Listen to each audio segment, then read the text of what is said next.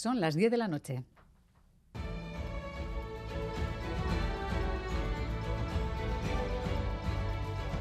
Radio Euskadi y Radio Vitoria. Servicios informativos.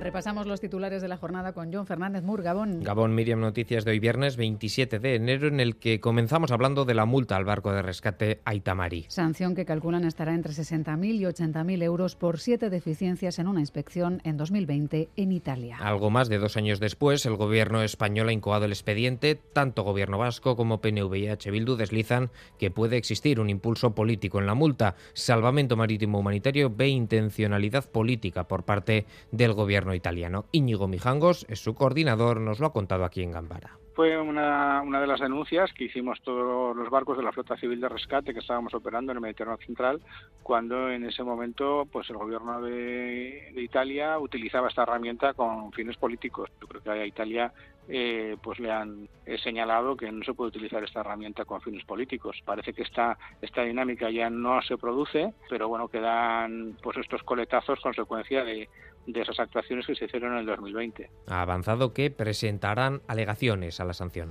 Numerosas personalidades de la política vasca se han acercado hoy hasta el tanatorio para dar el último adiós a Rodolfo Ares. Entre ellos el lendacari actual Iñigo Urcullo, el secretario general del PSN Cuandueza o el lendacari del gobierno del que Ares formó parte, Pachi López. Por todo lo que ha sido en el ejercicio de la política, por la labor importante que realizó también en su responsabilidad como consejero de Interior en el Gobierno vasco. Me siento terriblemente feliz por saber que ese reconocimiento no es un reconocimiento única y exclusivamente de la familia socialista, sino que gente de otros partidos, de otras organizaciones, de otros movimientos están hoy acompañándonos. Y por eso hoy se va una parte de, del socialismo vasco, se va una parte de Euskadi, pero también se va una parte de, de mí. Y lo voy a echar mucho de menos.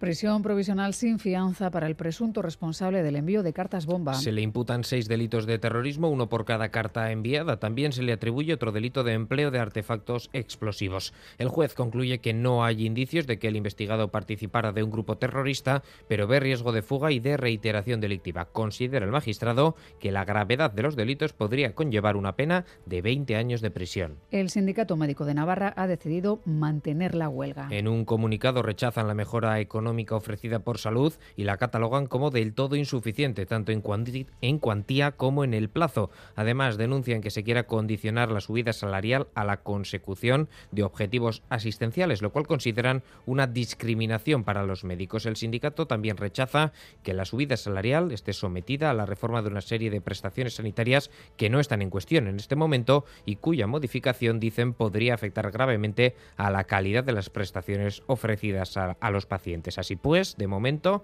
se mantiene la huelga fijada para el 1 de febrero a la espera de una nueva reunión. En página internacional, Ucrania acusa a Rusia de deportar niños de las zonas ocupadas. Sobre esta cuestión se ha pronunciado el jefe de la Agencia de la ONU para los Refugiados de visita en Ucrania, Filippo Grandi, ha acusado a Moscú de violar los principios fundamentales de protección de la infancia.